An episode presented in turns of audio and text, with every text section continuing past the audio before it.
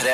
Velkommen til P3 Morgens podkast for Eh, tirsdag 16. august. 2016. Bra! Alle klart. eh, oppgavene de hadde blitt utdelt. Her, eh, velkommen til eh, det, det 16. Tirsdag 16. august. Ronny er ikke her i dag, men her får du Altså, han er i sendinga, men ikke i bonussporet som kommer etterpå, etter du har hørt eh, dagens eh, sending. Ja. Ha det. Vi snakkes på bonusen. Hei. Dette er P3 Morgen. Snart sju over seks. Tirsdag 16. august 2016. 16 i 8. 16. Uh, og P3 Morgen er inne i den vanskelige andre sendinga. Uh, gikk jo greit i går. Gjorde ikke det? Jo, jeg tror vi skal få det til. Jeg var dritfornøyd, jeg. Ja. Var det? Ja, Jeg var dritfornøyd, altså. Å, ja, ok, kult, kult. ja, men det, er lav, det kan jo være lav selvinnsikt også, da. Ja, ja, det kan det jo definitivt være. Eh, men i dag er vi altså på runde to. Det føles godt å være tilbake i rytmen. Det føles godt å være i gang. Og det er, det er, så, det er så utrolig deilig, faktisk. Ikke, altså, sånn, eh, det har blitt en del reising på meg i sommer, for å si det sånn. Men, men, men på ordentlig, da, den følelsen å komme hjem når man har vært lenge borte, det er så deilig. ass. Det er så deilig å være i sin eh, egen seng, sitt eget Mm. rom, sitt eget eh, kjøkken. Ikke spise på fin restaurant hver eneste dag, liksom. Ja, det tror jeg det kanskje kommer til å savne mest i sommer. Jeg har spist altså, så mye god mat utendørs. Eller ikke, altså, ja, faktisk hovedsakelig utendørs, faktisk. ja, ja. Uh, for det har vært eh, fint vær der jeg har vært mye i sommer. Uh, men, og det å, det å, men ja, og det å sulle rundt i stova si. Og, Ja, og, det er deilig, ass. og så gå barbeint hjemme der og tusle liksom rundt og drive og småstyre med et eller annet. Kanskje jeg skal legge den. Den boka kan jeg legge inn i hylla her. Den er ferdig med. Og Men- bare alt det der fiksfakseriet der, det er deilig! Det er Bare gni det inn, gutta boys. Fordi jeg bor jo da Jeg har jo ingen heim. Å nei, å nei. Det er jo en løgn. Du bor jo en plass. Jeg bor, ja, Du bor ikke det, på gata, Silje. nei, men du- jeg bor jo ikke i mitt hjem. Jeg bor jo i noen andre sitt hjem. Men Så du får ikke den hjemmefølelsen når er du kommer hjem der, liksom? Between uh, houses, Ja, som men- det heter. Nå har du jo kjøpt en ny leilighet med din kjære som du skal flytte inn i. Ergo, du er på vei til å få deg en ny heim som skal være ganske permanente greier. Det Ja, er jo en digg følelse. Ja, absolutt. Men eh, det har vært eh, Og det er ikke noe jeg sier bare for å gjøre meg sjøl interessant og lage problemer. Men Åh. Etter en lang Eller etter en ferie med mye reising, så den der følelsen av å komme hjem i sitt eget hjem, den har ikke jeg hatt. ikke. Og den kommer ikke jeg til å ha på kanskje tre-fire måneder, liksom. Her, hvor lenge er det du skal ut igjen, da? Jeg skal totalrenovere leilighet, så hvor lang tid det tar, det må fuglene vite. Å gud, den høsten her skal bli interessant. Jeg er jo veldig glad for selvfølgelig at jeg har en plass å bo akkurat nå. Da. Det, jo, det kan godt hende at vi liksom bor oss inn der, da. Men det, det er jo litt sånn rart. Det føles rart å ta seg sånn veldig til rette hos noen Mm. andre. Men du kan, hvis du har lyst til å føle på Det hjelper jo ikke i det hele tatt, men hvis du, du er hjertelig velkommen innom verandaen min en dag, så kan du få lov til å tusle rundt der og Og legge mm, Tusle jeg kan legge boka mi her. Ja. Jeg legger denne boka her. Ja, du er velkommen til å gjøre det. Ja, det er hyggelig at du sier. Ja, ja. Det er bra service. altså. Velkommen til mitt hjem og legge boka di på verandaen. Du kan få legge boka di på verandaen min. Eh, Valg, valgfri bok, eller må det være en spesifikk bok? Nei, det er gjerne ei du har lest, da, som okay, du er ferdig med. Ja, ja. Um, så det Velkommen. Du òg, Markus, men du har jo et hus og en heim. Et hus, et slott. Et slott. Velkommen til brenner. P3 Morgen. Vi er i gang. Det er tirsdag, altså. Vi har eh, den deilige andre sendinga. I dag kommer Bjørn Eidsvåg på besøk til oss. Oi. Det blir kjempestas. Rockepresten sjøl, legenden, mannen med sangene som betyr masse for folk, er vår gjest i dag. Det gleder vi oss eh, til. Men før noe som helst annet spiller vi Broiler og deilig låt for deg som heter Wild Eyes. Velkommen til P3 Morgen. Silje, Markus og Ronja er her i radioen din og ønsker deg eh, velkommen inn. Påstand eh, fra meg her. Justin Bieber høres litt ut som Ricky Martin eller Ricky Glesias på slutten her. Um, Ja, det har du sagt før, men jeg, jeg klarer liksom ikke helt å har du en klar der, eller? Nei, jeg er ikke klar. Jeg må, jeg, jeg, kanskje, til, til, kanskje litt senere i veka Denne skal vi spille igjen, for det er ukas låt. Og til neste gang skal jeg prøve å se om jeg klarer å finne en plass der jeg ligner veldig. Jeg får iallfall veldig Enrique Glesias Ricky Martin-følelse på slutten her. Det er et eller annet med intensiteten, kanskje. Hvordan går det med Ricky Martin forresten om dagen? Uh, jeg veit ikke. Nei, nei. Altså, det er jo litt skuffende, eh, for jeg hadde tenkt meg til egentlig at eh, når det nå er OL i Rio, at Ricky Martin kunne gjøre et slags sånn comeback med en OL-låt. Ja, ikke sant? Fordi at vi er liksom Han er jo ikke fra Brasil, men han er jo liksom fra Sør-Amerika. Eller hvor er han fra? Cuba. Cuba. Puerto Rico. Ja, Puerto Rico. Så det er jo egentlig i USA, da, men det er jo Latin-Amerika, da. Så Ja, det er godt nok. det er godt nok. Få på noe eh, rytmer der, liksom. Han kan svinge den muskuløse kroppen sin. Ass. Ja. Jeg så en sånn South Park-sketsj, eh, eller ikke en sketsj, det var en del av programmet hvor eh, Ricky Martin egentlig bare hadde på seg et plagg. Så var han eh, kjempetjukk og eh, lei seg for at han mista plagget sitt etter hvert. Dere har funnet hva han driver med! Ja, ja. Rikke Martin er dommer på meksikanske The Voice. Se der, ja. Se der, ja. Det Eh, elsker jeg. Og han driver tydeligvis og turnerer verden rundt for tida. Det er det, fall- det, er det som står på Wikipedia for 2014 to present. ja. Så han turnerer verden rundt, ja. Ja, ja, ja. Med musikk, da. Ja, jeg tror det. Han han går Ikke ikke rundt og briljerer i dommerferdigheter. Velkommen til min konsert. Her skal du opptre, og så skal jeg uh, dømme deg. Nå er jeg inne på Rocky, uh, Rocky, Rocky Martin. Ricky Martin sin uh, offisielle eh, i- i nettside her, og her står det altså Ricky Martin Tour 2016 Buy Tickets Here. Ja, Yes. Hvor spiller han? One World heter altså da Her er han blant annet i Wien. To konserter i Wien skal han ha her er nå. 24. kapasiteten og der, 25. august. Det er jo helt konge, da. Vi skal reise neste uke og se Ricky Martin i Wien? Ja, Da skal vi se her. Spania, Tyrkia skal han til. Tel Aviv. Men ikke til Norge. Russland, London. Her er det jo store muligheter for en liten weekendtur. Santiago Chile skal han til. Så kult hvis du liksom uh, får meg sånn Hva skal du gjøre? Nei, jeg reiser til London for å se Ricky Martin i konsert. det er det rå, det er liksom noe helt annet. Uh, men det var jo ikke han vi hørte. Det var jo Justin Bieber sammen med DJ Snake og deres låt Let Me Love You. Eh, dette er i P3 Morgen. Nå til to karer som ikke høres som Ricky Martin. Vi hører Nico og Vince og Our Love. God morgen.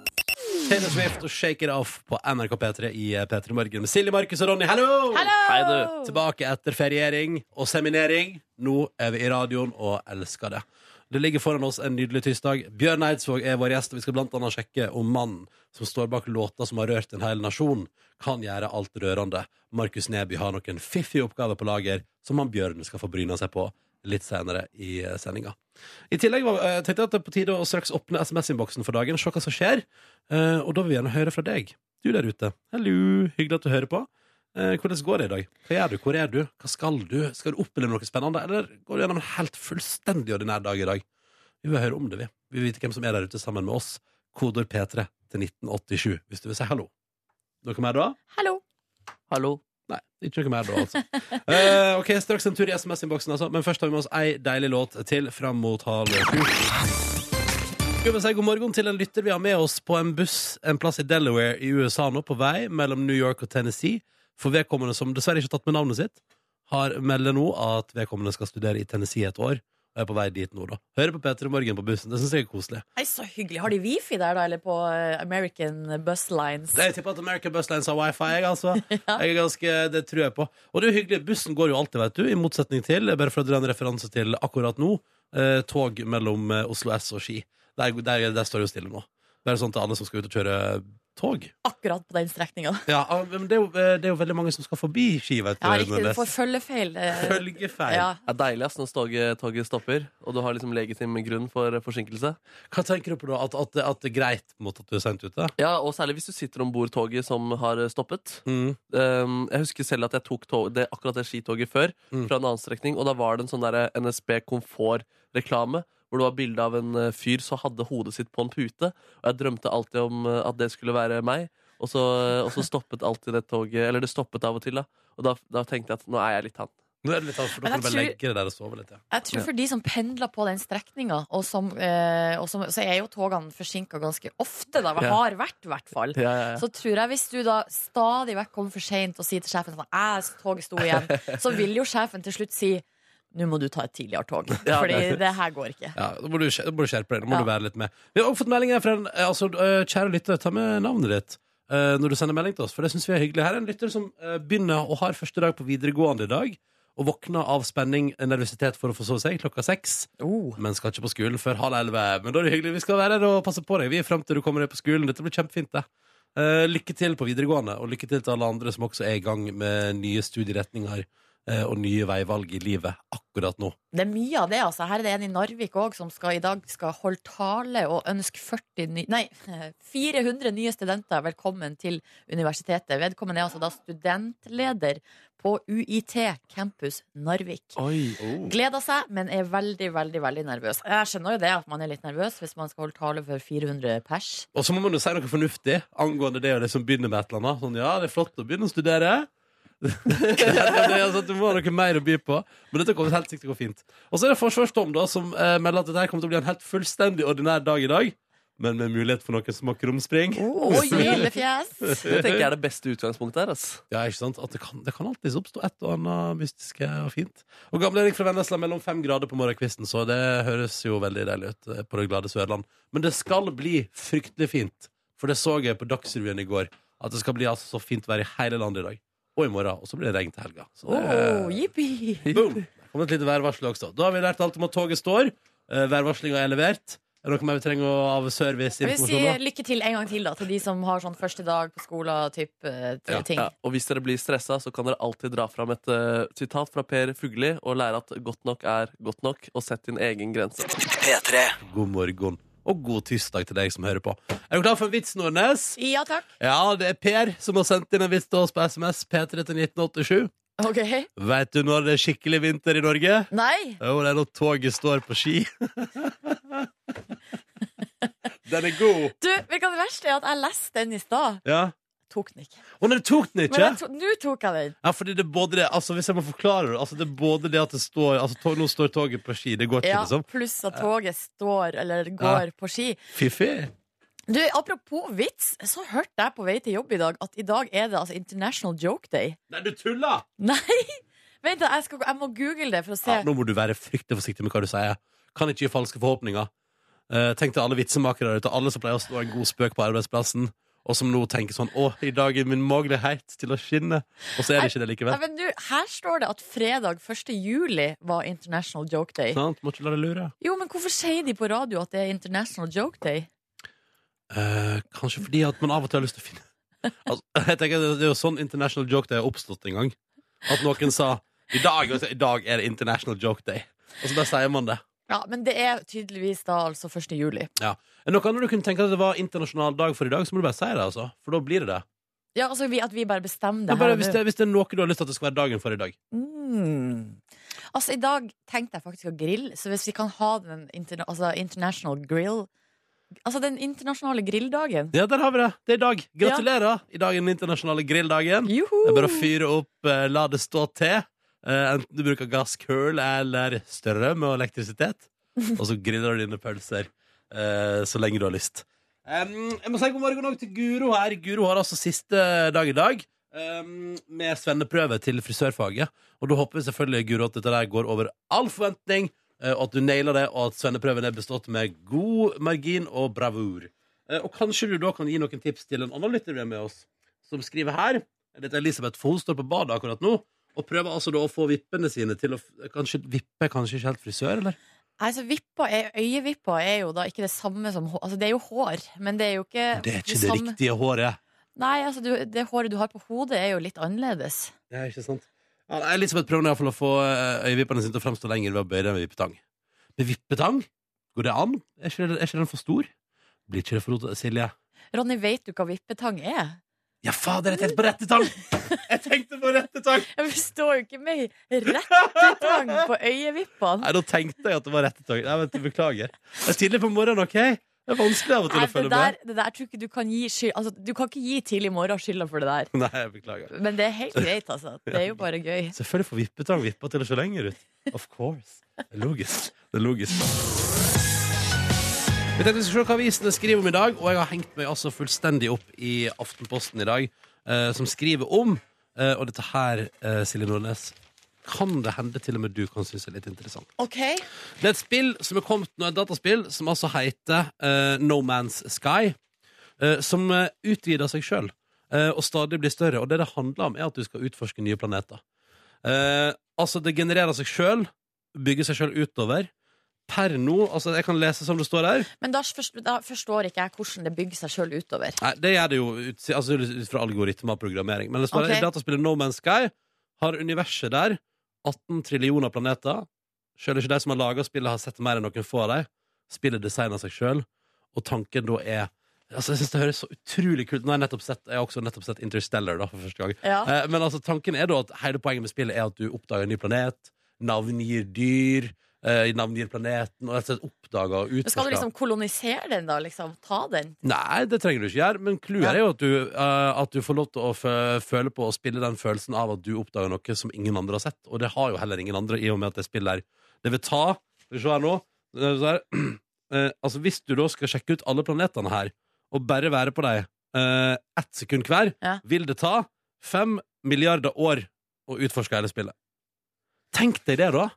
Ja, men da, det blir jo litt sånn eh, Da blir jo på en måte spillet blir jo litt sånn som eh, Holdt på å si livet sjøl. Eller jeg tenkte at hele vitsen med spill er at man liksom eh, kan bli ferdig med det. Tenk så spennende da Å gå inn i et spill, og så stikker du og besøker en helt ny planet som ingen har vært på før. Og så får du være den som oppdager det. Noe du aldri kommer til å få oppleve i virkeligheten, Nordnes. Jeg skulle akkurat si at Hadde det ikke vært kulere å gjort det i virkeligheten? Ja, men det får ikke du lov til å. Det kommer aldri til å skje. Og hvis du skal oppdage en ny planet i virkeligheten, kan jeg garantere at du er ikke førstemann dit. Ja. Jeg tror ikke det der er noe for meg. Jeg er mer, jeg er mer glad i når eh, liksom, eh, man er på et brett, og så blir man ferdig, så går man videre, og så blir man ferdig, liksom. Ja, jeg ble, Jeg hadde blitt gæren av tanken på at det var så mye mer der ute. Du vet hvordan det går med meg å spille. Jeg blir jo helt hekta. Det, det, det er ikke godt, det der. Jeg eh, ble kjempenysgjerrig. Jeg skal sjekke ut No Man's Sky og øh, utforske. Kan du få det til mobil? Jeg veit ikke. Nå må du kjøpe deg gamer-PC. Nei, men da får jeg det bare gjøre det, da. Ikke verre enn det. Ronny blir gamer. Du vet at du nærmer deg 30 snart. Er det her den utviklinga vi skal gå? Kanskje det det. Det. Kanskje det er akkurat denne utviklinga vi skal gå. Du, på, eh, ellers på avisene så handler det eh, en del om håndballjentene, fordi at de skal møte Sverige i kveld klokka ti. Dagbladet de har kjørt altså sånn 'Slik er Norges helter uten ball'. Eh, og da har de liksom de har, de har spurt liksom alle om å på en måte Hva skal jeg si eh, Beskrive De skal beskrive hverandre, liksom. Så da blant annet Amanda Kurtovic. Hun, eh, da sier de andre jentene om hun at hun er den som får mest oppmerksomhet. Ja, ok. Hun, eh, i, Mest populær. Av guttene i OL-landsbyen Ja, på gata sånn, ja. og eh, utenfor banen. Eh, så har vi for eksempel Camilla Herrem. Hun er godterisjuk. Alltid med seg smågodt. Pose med smågodt. Og så har vi Linka Rigelrot. Eh, hun er lesehest. Hun tar det. Hun, tar, eh, Hun ja, hun er den som, som oftest tar fram ei bok, liksom. Ja. Eh, og så har vi for eksempel Stine Bredal Oftedal, altså kapteinen. Eh, hun er altså da guttgæren. Å ja, hun er glad i gutta? Ja. Oh, ja, ser du det, ja? Ja. Nei, men Så greit å vite. Ja, det er ikke sant? Ja, det er fiffig. Da vet vi, og dette her er ting vi trenger å vite før vi ser kampen i kveld. Så Ja, jeg er litt usikker, men det er jo litt gøy. Det er jo alltid gøy. Man blir jo nysgjerrig ikke sant? på Mm. hvordan de er, de her folkene. Ja, ja, og da vet vi at det er leses til guttegæren og godterisjuk. og- Humør, sprede. Ja da. Eh, Jeg har funnet at, eh, jeg har funnet at eh, No Man's Sky fins på PlayStation og PC. Og kom i august. Nei, det har kommet. Det har kommet, det Da har kommet. må du kjøpe deg noen gamerkonsoll nå, Kanskje det er nå jeg skal få med PlayStation? Hæ? Se det for deg, Nordnes.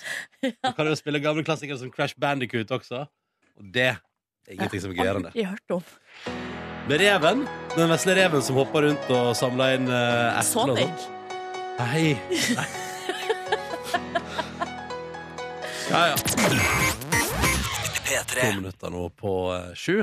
Eh, og jeg elsker at eh, jeg nevnte dataspill, og du Silje mener at jeg er for gammel til det. Og så vil jeg bare ta meg et Nei, nei, nei, nei, jeg mente ikke at du var for gammel. Jeg stilte spørsmålstegn om gaming. Uh, konsoll var det du skulle kjøpe deg nå på veien inn i de 30.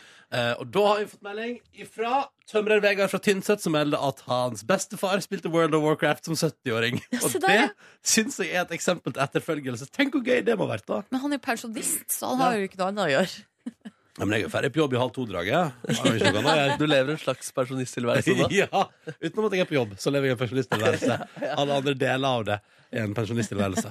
Dette er P3 Morgen. I løpet av den neste timen hos oss skal vi arrangere utgave nummer to av vår nye konkurranse. Jeg har øh, gjort klar noen spørsmål, og dagens deltaker kan velge mellom enten musikkspørsmål eller geografispørsmål i konkurransen i dag. Oh, er det den vanskelige andre dagen i vår nye konkurranse? Det stemmer. det stemmer I tillegg kommer Bjørn Eidsvåg på besøk. Og vi skal sjekke om han kan gjøre alt inderlig og vakkert eh, når han skal få lov til å prøve seg på det sammen med vår egen Markus Neby. Meg?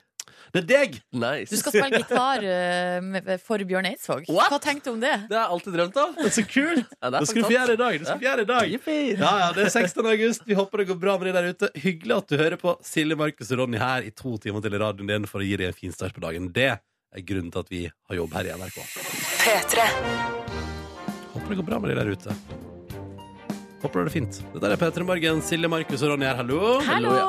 I går gikk jeg forbi ei fastfood-sjappe i mitt nabolag. Uh, Tusla forbi. Og så De serverte både falafelburger og vanlig burger og alle mulige slags ting som kan grilles og puttes til dressing på. Du takket ja til alt, du. Nei, jeg gikk forbi, Ja. og så så jeg inn vinduet, og der hadde de fått ny leveranse av brus i denne sjappa. Så der sto det da liksom brett på brett med forskjellige typer drikker. Det var Cola, Cola Zero og sikkert noe Bon Aqua. Men midt i der så var det et brett med Fanta Exotic. Oh, yeah. Og så klarte jeg ikke jeg, vet, jeg, jeg, Hele går så kverner jeg på tanken. Fins det noen der ute som har Fanta Exotic som sin go to-brus? Det må altså. jo være det, da. Det finnes et altså, marktilbud, etterspørsel. Kan jeg bare kan jeg teste, er det, hvis, er det noen der ute som har Fanta Exotic som favorittbrus? Kan jeg bare sende en melding om det? P3 til 1987 og forklare hvorfor. Ja, men også, en ting er favorittbrus, men skal det være din go to-brus, så må du ha ganske kjennskap til hvor du får tak i uh, Fanta Exotic. Ja. For den er jo ikke overalt. Du må vite om den Altså, De må eventuelt Ja. spørre deg hvilken butikk gikk får forbi. Ja, ikke sant? Ja, for, ja, for, eh, ja, ikke sant? Nei, men, nei, men Exotic er vel- ganske vanlig. Ja, velassortert dagligvareforretning har Har de Fanta Exotic? Ja da, det vil jeg anta. En gang eh, etter at. Fanta Exotic, rett etter at Fanta Exotic kom, så brukte jeg det som blandevann. Har ikke drukket det siden. Det holdt lenge. Jeg skal akkurat å fortelle nøyaktig lik historie. Jo, men det, var jo, det, var, det er jo det det er lagd for deg, Det skjønner du? var da vi gikk på videregående. Ja. Eh, Det var eh, fint. Men det Men er, aldri mer Fanta Exotic. det er derfor den er lagd, sant? For at folk skal blande den med sprit. Jeg Tror egentlig ikke det. Men Det er eh, en ganske god brus, da. Ja, er det det? Ja, den er ganske god brus. Jeg har meg så innmari opp i dette. Jeg synes Det var så rart. Det er sånn, så det er bestilt like For det er det som jeg reagerte på, var at på den leveransen med brus var det like mye Fanta Exotic som vanlig cola.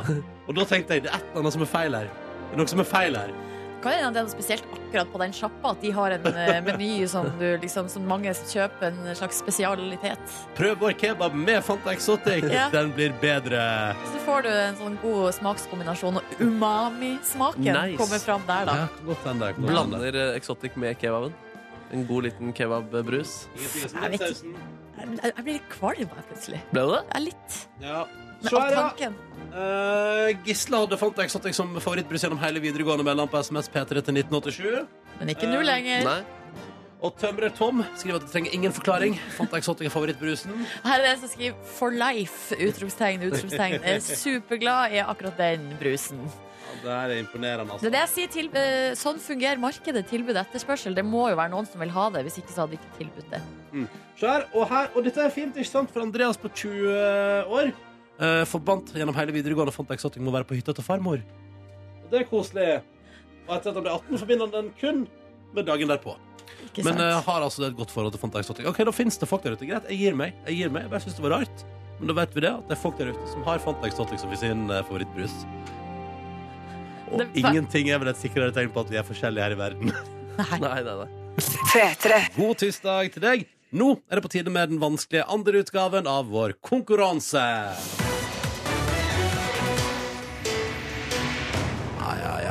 Ny konkurranse i P3 Morgen. Veldig kort forklart. Vi har med oss en deltaker på telefon som skal svare riktig på to spørsmål i løpet av 30 sekunder. Jeg har rikelig med spørsmål. Det eneste viktige er at to av dem blir besvart riktig i løpet av 30 sekunder, som er det vi har på oss. Og så kan man vinne både det ene og det andre i vår premiebingo etterpå. Det tar vi når vi kommer dit. Først nå skal vi hilse på dagens deltaker. Velkommen, Svein! God morgen! God morgen! Svein! Svein. Det selveste bonden Svein.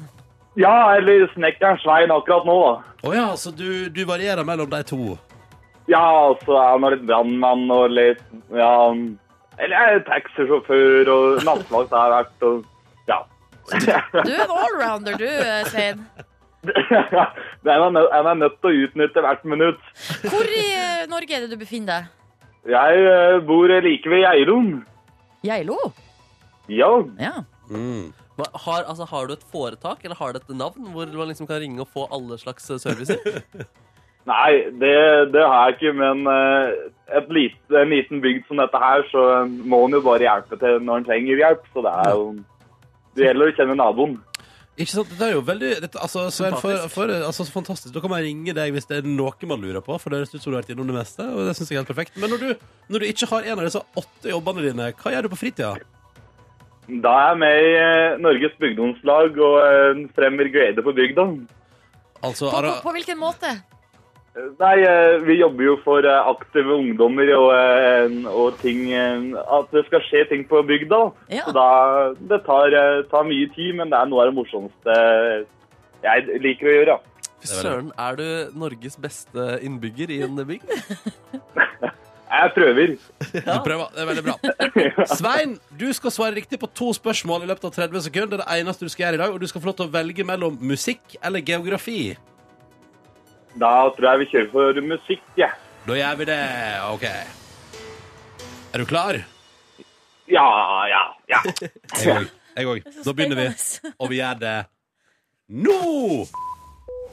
Eksen til Justin Bieber gikk til frontalangrep på ham på internett i går. Skal mellom annet ha sagt at han har vært utro opptil flere ganger. Hva heter eksen til Justin Bieber?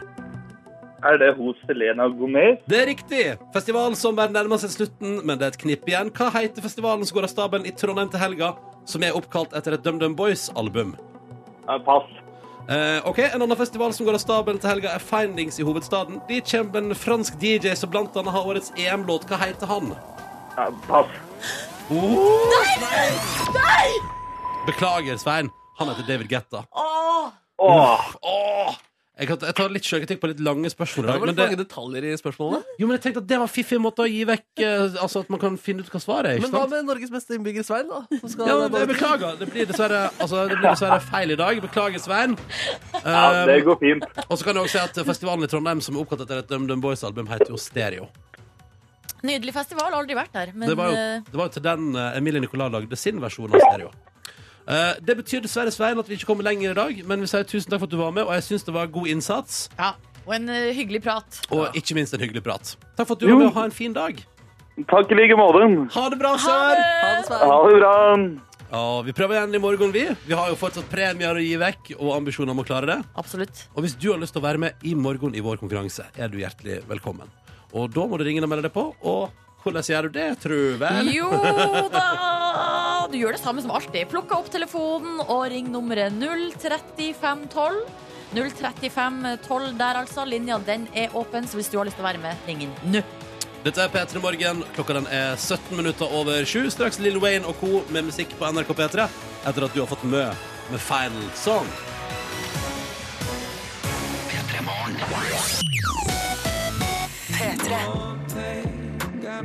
Sucker for Pain heter låta, og for, et, uh, altså for en gjeng som har laga den. For her er det Lill Wayne, Wiz Khalifa, Imagine Dragons, Logic, Ty Dolla Sign og Ex-Ambassadors sammen. Måtte de være så mange? Ja, Og det- Slitsomt å være i det rommet der, ass, med masse folk som skal hevde seg og komme fram med sin idé. Ja, og alle bare Å, kan, men kan ikke jeg få lov til å ha den lille gitarsoloen her? Sier kanskje den Ex Ambassadors, så sier Wiz Khalifa sånn Kan man at i stedet for den gitarsoloen, så bare rapper jeg litt? Og så sier jeg kanskje Wiz og sånn Ja, og sånn ja. så blir det- Men jeg har hørt at eh, da de spilte inn We Are The World, litt gammel eh, referanse der, Er det det? så uh, Det var da du var ungdom, det. ja, ja, men da, det var jo Michael Jackson og Cindy Lauper. Altså Alle var med, alle som var stjerner på den tida var med. Og da hang de et skilt utafor studio. For der var det jo noen som spilte inn alene, men de var jo også et sånt stort kor der alle var samla i ett rom.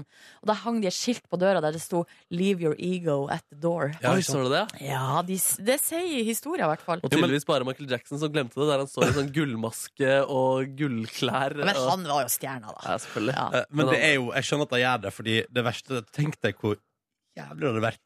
eh, hvis du står 30 artister i et rom der alle tenker sånn Men jeg kan legge på den lille wow, wow, wow, wow, Det var ganske, ganske mange som la på en sånn på We Are The World. We are the world. Tror du de gjorde det da de spilte inn eh, Venn? Du kan være en venn. Du kan være en Kurt Oh. Nilsen, Åge Aleksandersen, hvilke andre folk? Odd Nordstoga. Leave your ego at the door. Ja, det, det var sikkert sånn skilt der òg. Leave your ego at the door. Her skal vi lage en uh, sang for veldedighet. Ja. Um, den hørte jeg forresten på på lørdag. Funka fint, det? funka fint på fest. Jeg kan Hadde- være en venn. Ja, Hadde Jeg ser den, at du faller. i din popquiz som du hadde på lørdagen? Hadde den med der, da. Den uh, var flott. Hva var spørsmålet? Nei, nei, nei, den var bare med som pauseunderholdning. Den og Kristoffer Joner sin 24 timer i døgnet. Husker dere den? Den er bra! ass. Den er fryktelig bra! fra filmen Alt for Egil. Mm. Den er veldig, veldig god. Og da lærte jeg jo også av Jørn Kårstad her i P3 at den er egentlig skrevet av Jan Ove Keisers Orkestra Ottesen. Ja, ja, ja, ja. Her er det noe som har gått meg hus forbi. Se der, ja! Du kanskje Dette er min, Min bror, dette er min bror. 24 Du har aldri hørt den? Har du aldri hørt den? Jeg tror jeg, det må, være- jeg må ha vært i utlandet på utveksling. Toppa ikke den VG-lista? Jo, jo, jo. Ja, Men- Det må ha vært da jeg var på utveksling. Men den vi skal høre nå, har du hørt før. Med Den har jeg hørt- ja, Janessa den har jeg hørt før, og Mø og Justin Bieber og Mm, leave your ego at the door-gjeng. Kristoffer Joner er også med på bass. Det er altså så stas å kunne si velkommen til P3 Morgen, Bjørn Eidsvåg. Tusen hjertelig takk. Hallo! Veldig kjekt å være hos dere. Jeg har, av og til så, når jeg ser dere på Glimt på TV, og sånne ting, så tenker jeg å, det var kjekt den tida jeg drev og gikk opp i gangene her og så dere nesten daglig. ja. det er ikke så lenge siden du jobba i P3, faktisk. Nei, faktisk. Så jeg kom på det nå at jeg, jeg har et sånt kort hjemme som jeg tror vi må levere tilbake. Og som adgangskort til NRK. Adgangskort, Ja. ja. Det tror jeg de vil ha tilbake, Bjørn. Jeg skal, jeg skal sørge for at de får det. Eh, hvordan har sommeren 2016 vært for deg? Sommeren 2016 har vært jobb. Jeg har hatt fire dager i Danmark sammen med kona mi, eh, som var en slags ferie. Men ellers har jeg jobba med teaterstykke og manus og med konserter. Ja, og du har fått eh, Jeg bare lurer på, jeg så du hadde spilt eh, blant annet på Stavernfestivalen rett før Neil Young, som er et av dine Ja. store idol. Ja. Hvordan Blir du litt sånn tullete fanboy da? At du går liksom rundt og ser etter Neil Young? Er han? Hva, hva skal jeg si hvis jeg møter han? Nei, altså, jeg er rett og slett kurert for det. Jeg, jeg, Helt fullstendig? Ja, Ja. mer eller mindre. Det er klart at noen av gutta i bandet sa at Oi, så du der gikk Neil Young? Ja. Så kjenner du jo. Altså, det, jeg stikker hudet, huet ut av teltduken og ser. Ja, Eh, men, men eh, jeg har liksom ikke den der behov for å gå bort og si hei, jeg er Bjørn Eidsvåg, kjent i Norge og driver med musikk. Og, Kan vi ta en selfie? Kan vi ta en selfie? Ja, jeg, jeg, det sitter for langt inne å skulle gjøre det. Men eh, det må jeg si, altså å høre på han, det var jo utrolig stas. Altså, begynner å bli en, en godt voksen mann, men han da som er noen og 70 og gir, leverer så voldsomt, det er ordentlig inspirerende. ja, men det er bra. Hvor lenge skal du holde på, tenkte du? Jeg skal holde på til jeg dør på jobb. Så, og det vet jeg jo ikke hva tid skjer, så det vi får vi se. Men altså, jeg, jeg lever jo For tiden så lever jeg veldig sunt og har bestemt meg for at nå skal jeg liksom skjerpe både det ene og det andre. Fordi at jeg har lyst til å leve lenge og holde på med dette som jeg holder på med, for det er så gøy. Hva er det slags grep du har tatt da i livet ditt? Nei, nå er det de vanlige grepene som folk tar. Altså gå ned i vekt, bli sprekere, spise sunnere, drikke mindre Nei, ikke noen kurer. Det har jeg vært på før, så det driter jeg i. Ja. Så jeg prøver liksom nå bare å si at det går an å spise mindre.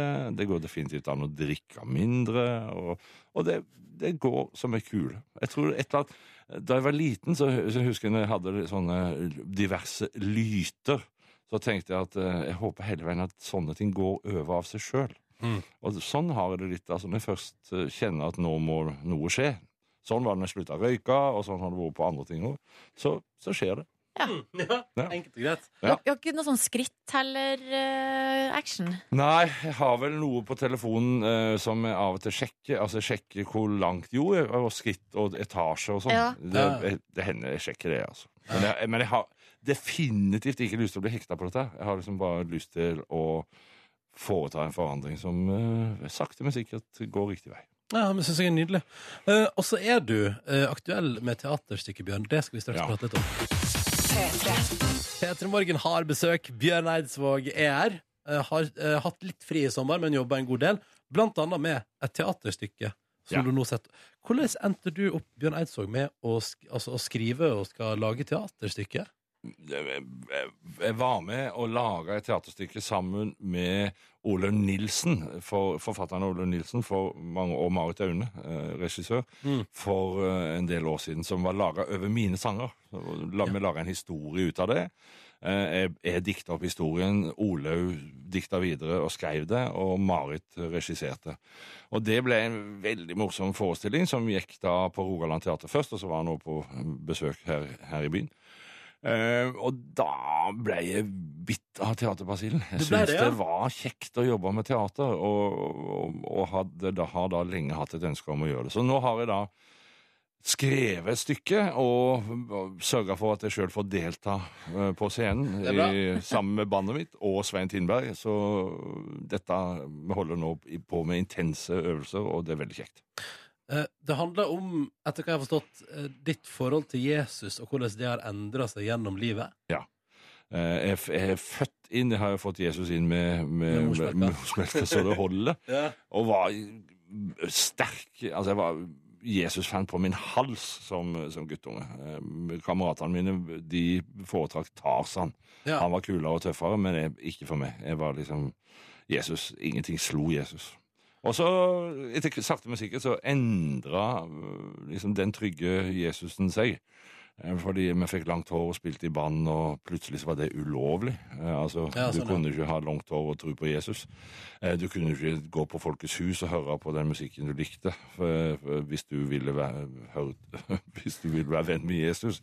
Så det, det, det kom en del sånne rare ting inn som vi ikke helt forsto. Men Fordi at vår begeistring for Jesus, som jo var kul og tøff og støtta de fattige og kjempa for de som var utstøtt og eh, liksom det, det kolliderte totalt med den der eh, uniformeringen som det kristne miljøet prøvde seg på for oss. da. Mm. Så veldig mange falt fra, som det heter, i den perioden av mine kompiser og venninner som syntes at nok er nok, dette er for dumt. Mm. Mens jeg blei, fordi at jeg, jeg ville på en måte vise at de tok feil, da, disse, disse Å, ja. som prøvde å uniformere oss. Og det endte med at jeg begynte å studere teologi for å prøve liksom, å finne ut eh, hva Bibelen egentlig sier om disse tingene.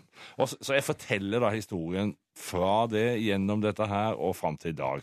Jeg har jo vært, hatt en periode hvor jeg har prøvd å avlære meg alt jeg har lært. altså prøvd å virkelig prøve å ta avstand fra ja, Jesus, fra- liksom. Ikke ta avstand, men liksom få avstand til. Ja. Eh, komme ut av den tenkningen og ut av det miljøet. Og nå har, gjør jeg opp mitt bo.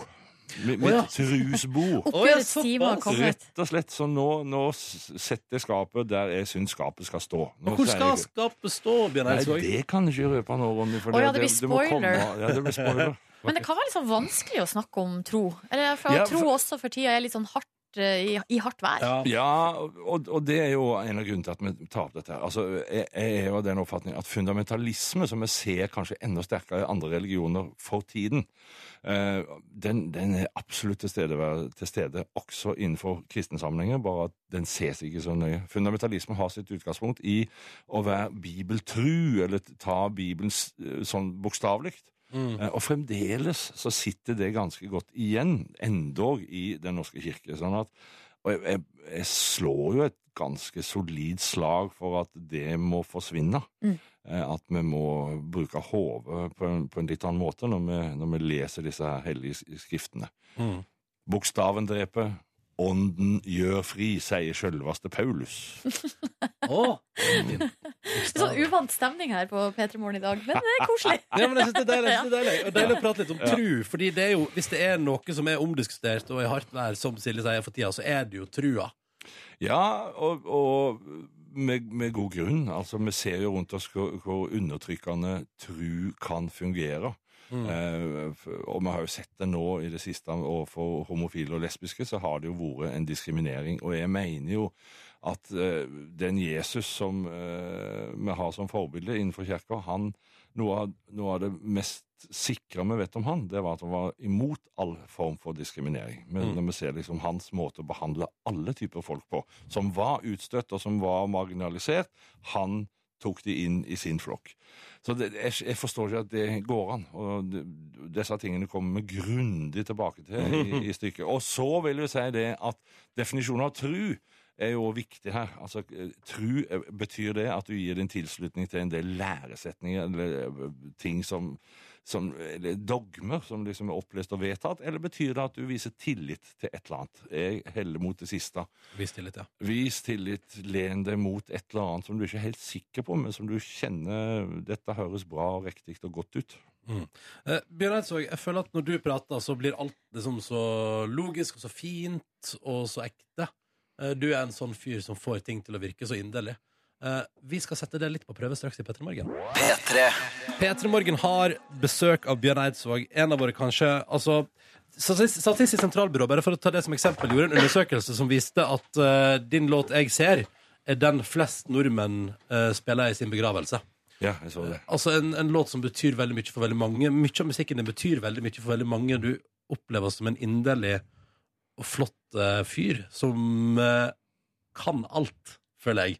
Eh, og som er Ja, men, ja, men det, det, det er noe La med oss ikke rocke ved det bildet. Nei, eller vi får se, da. Fordi nå er Markus Neby kommet inn her, og du har en, en ting du gjerne vil prøve. Ja, det stemmer. Altså, som du sier, Bjørn har rørt mange med sine stemmer og sin, med sin stemme og sine eh, låser. Så jeg er villig til å finne ut klarer han å røre ved folks eh, hjerter eh, med uansett hva slags tekstutgangspunkt eh, han får. Så jeg har funnet fram dine ulike tekster her, og så har jeg med gitaren. Og så vil jeg at du skal synge oppå de ulike utfordringene her. Um, Altså, jeg skal lage en melodi. Du skal lage du melodi. spiller akkorder, jeg skal lage en melodi. det stemmer. Uh, se bare, skal det, Den første linja der, er den Nei, med? det, nei det, det presenterer jeg. Det var overskriften. Ja. Og det er altså at når jeg søker på limericks på Google, så kommer det opp ikke et limerick, men et slags eh, rim. Skal se om du klarer å gjøre dette ikke fullt så rørende eh, diktet eh, rørende. Så da spiller jeg en liten intro først. Du spiller forhåpentligvis i moll, ja. Ja.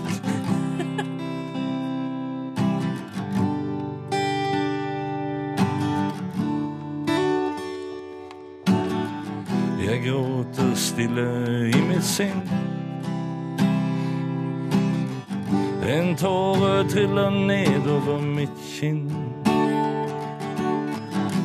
Ennå en tåre baner vei. Det er fordi jeg er driti på meg. Fy fader, han klarte det! Det Var ikke det rørende? Jeg ble i hvert fall fryktelig imponert der. Veldig fint. Noe som øh, også ikke er så fryktelig rørende, det er en oppskrift på sodd øh, som Matprat øh, har. Vi skal høre første punkt i denne oppskriften. Kan den bli rørende med Bjørn Eidsvåg på vokal og meg på gitar?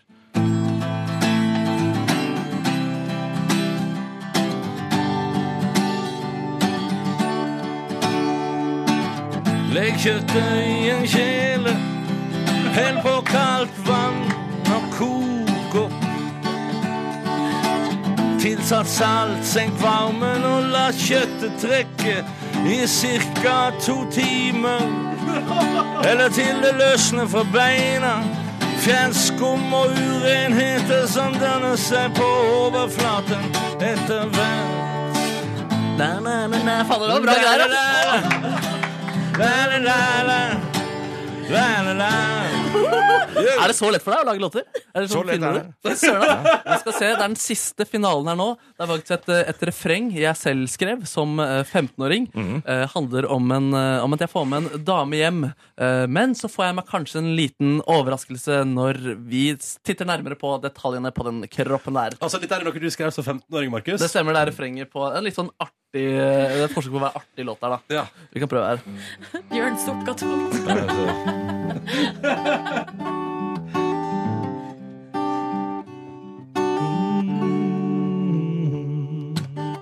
Hun hadde guttetiss, ingen klitoris. Hun hadde guttetiss, ingen klitoris. Hun hadde guttetiss, ingen klitoris. Men skeivt gebiss. Hun hadde guttetiss.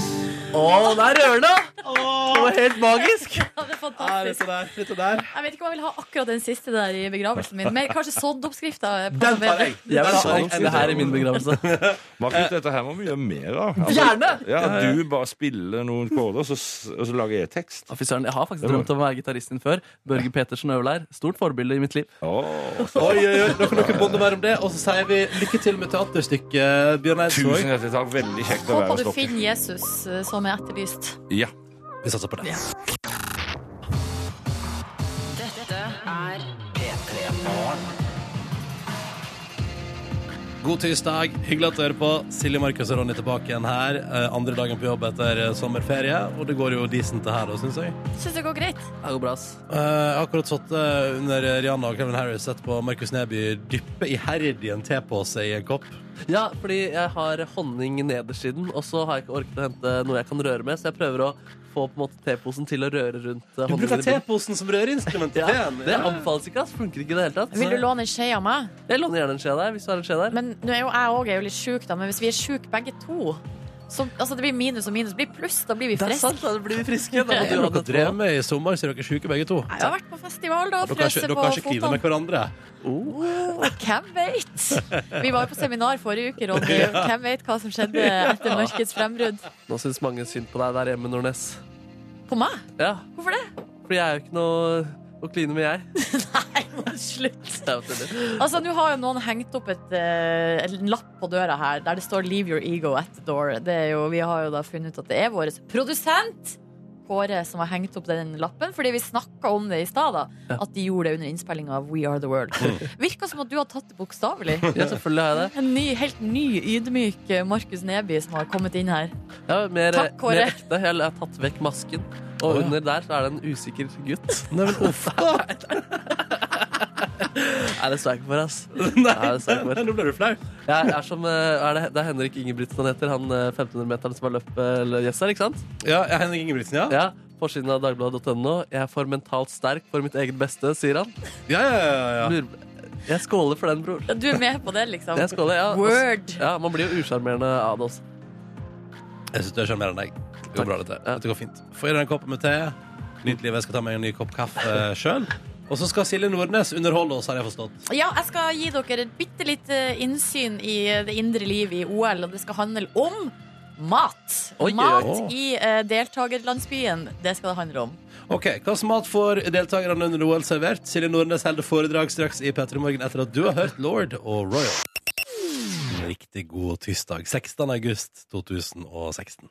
Og OL, eh, sommer-OL i Rio ruller og går. eh, Er ferdig på søndag. Litt trist, egentlig, for nå kjenner jeg at jeg har kommet inn i loopen der. Ja. Så mye gøy å følge med på. I går så vi, vi så begge to, Markus, på turn. Ja, ja. Nord-Korea vant. Altså det var hopp på bukk eh, for menn. Veldig spennende der. Og dommer, de var, kommentatorene sa altså så mye sånn Ja, traff ikke helt der. Nei, traff ikke. Jeg syns alle var kjempeflinke på hopp. Jeg synes det var gøy også at mange av turnerne etter de hadde gjort det kommentatorene sa var middels, så jubla de helt sinnssykt. Ja. Kanskje for å påvirke dommerne, var min teori. Ja, altså mentalt eh, strategispill der. Ja. Uansett, eh, mye gøy. Eh, og jeg så også i går, altså da på Dagsrevyen, så var eh, Stig André Berge ble intervjua da i eh, deltakerlandsbyen dagen etter eh, sin bronse. Da satt han og chilla i sola der og kosa seg. Han skulle på stranda, han, da. Ikke sant, han skulle på Copacabana, sa han. Eh, det jeg la merke til, var at han hadde i handa si så hadde han altså et drikkebeger fra McDonald's. Du, det tenkte jeg òg på når jeg så det. Ja, og så ved siden av han på bordet der så lå det også en burger fra samme kjede. Og så nå har jeg altså da eh, sett litt rundt omkring, kommet over en sak på mashable.com, der jeg nå har lært følgende. I deltakerlandsbyen så deles det ut McDonald's gratis til eh, deltakerne i OL. Så gøy å tenke på at det er Mhm. At de er liksom eh, fitte folk som er i olympisk mesterskap, og så er det så ble jeg frista med gratis McDonald's hvor enn det går. Men de er jo, det er jo en gjeng med høy sjøldisiplin, det her. Så jeg tror jo det går greit. Og, Det er kanskje eh, derfor akkurat der McDonald's deler ut ting gratis. Det er bare sånn, Vi skulle delt ut ting gratis én plass i verden. Hvor skal vi ta Hva med deltakerlandsbyen i OL? Men det som er at her har Mashable snakka med en svømmer fra Australia som heter Melanie Wright. Hun kan fortelle eh, til nettstedet at eh, i begynnelsen av OL så var det altså veldig få i eh, McDonald's-køen. Det var liksom bare noen få liksom sånne her, eh, vektløftere og noen maratonløpere og sånn som skal spise veldig mye. Eh, mens nå, når det nærmer seg slutten, nå begynner køen å bli lang.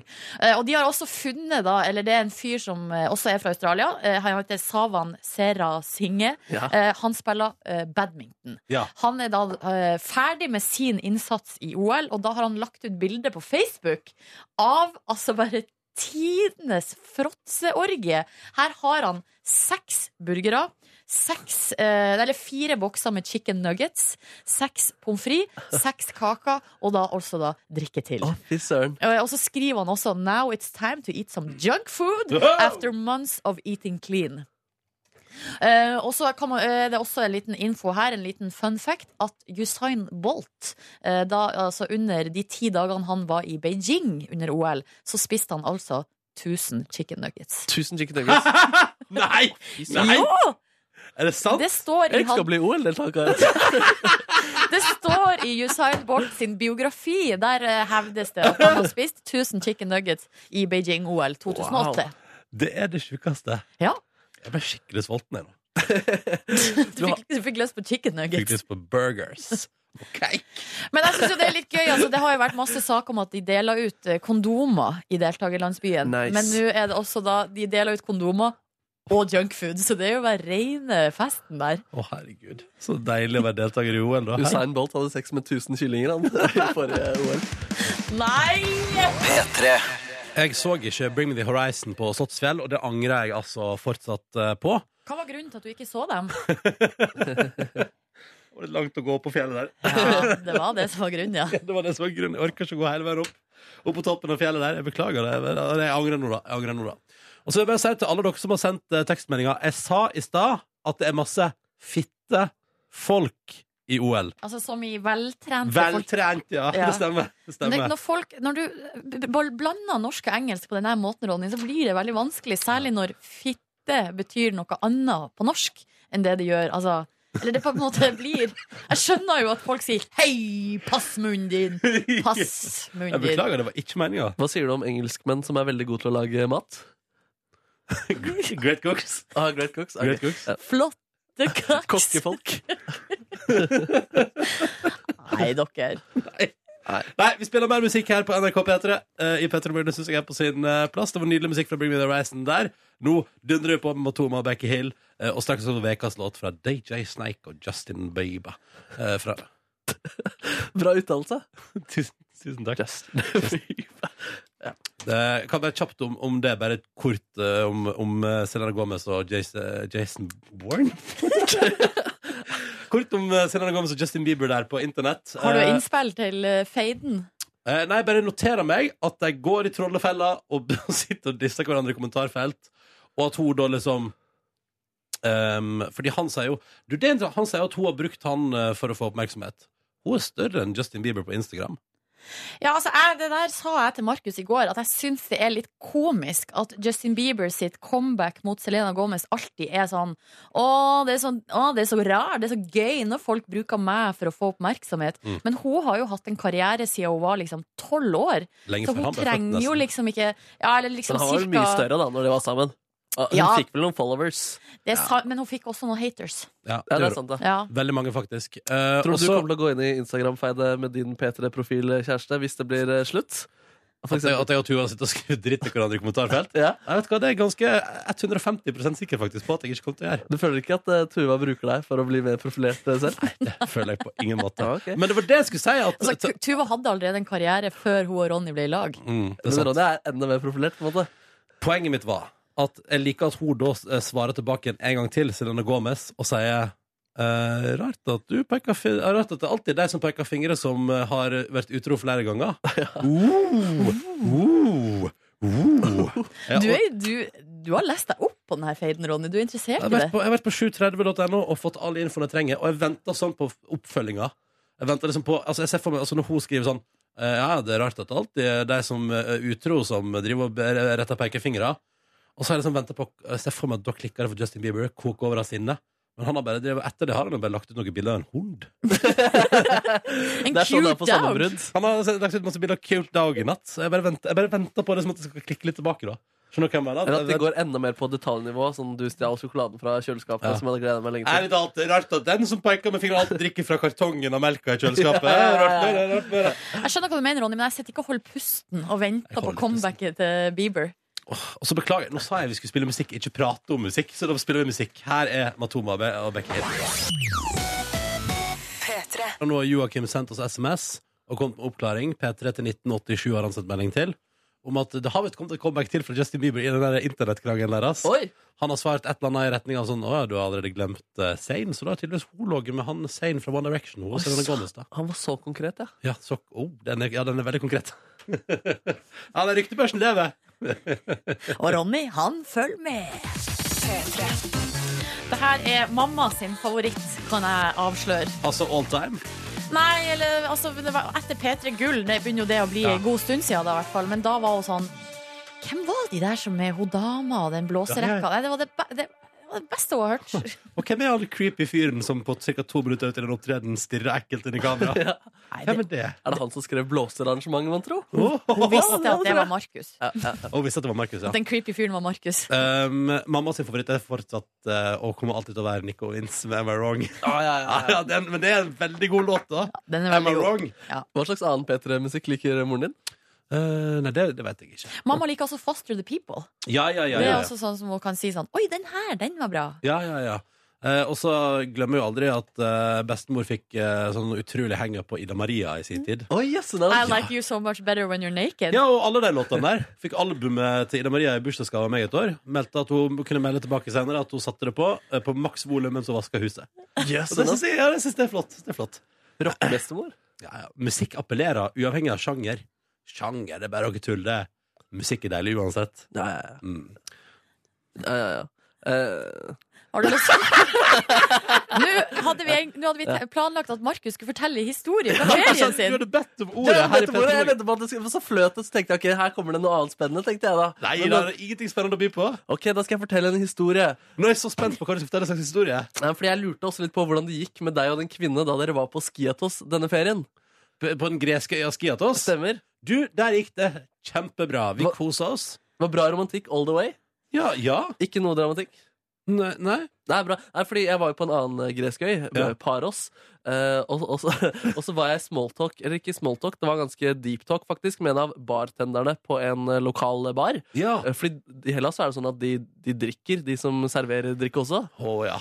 Å, ja. Nei, drikker. Ja da. Jeg har, jeg har blitt tvunget i noe Ozo av en fyr som bare syntes det var litt for stille og rolig på puben etter stengetid, liksom. Ikke sant? ikke sant?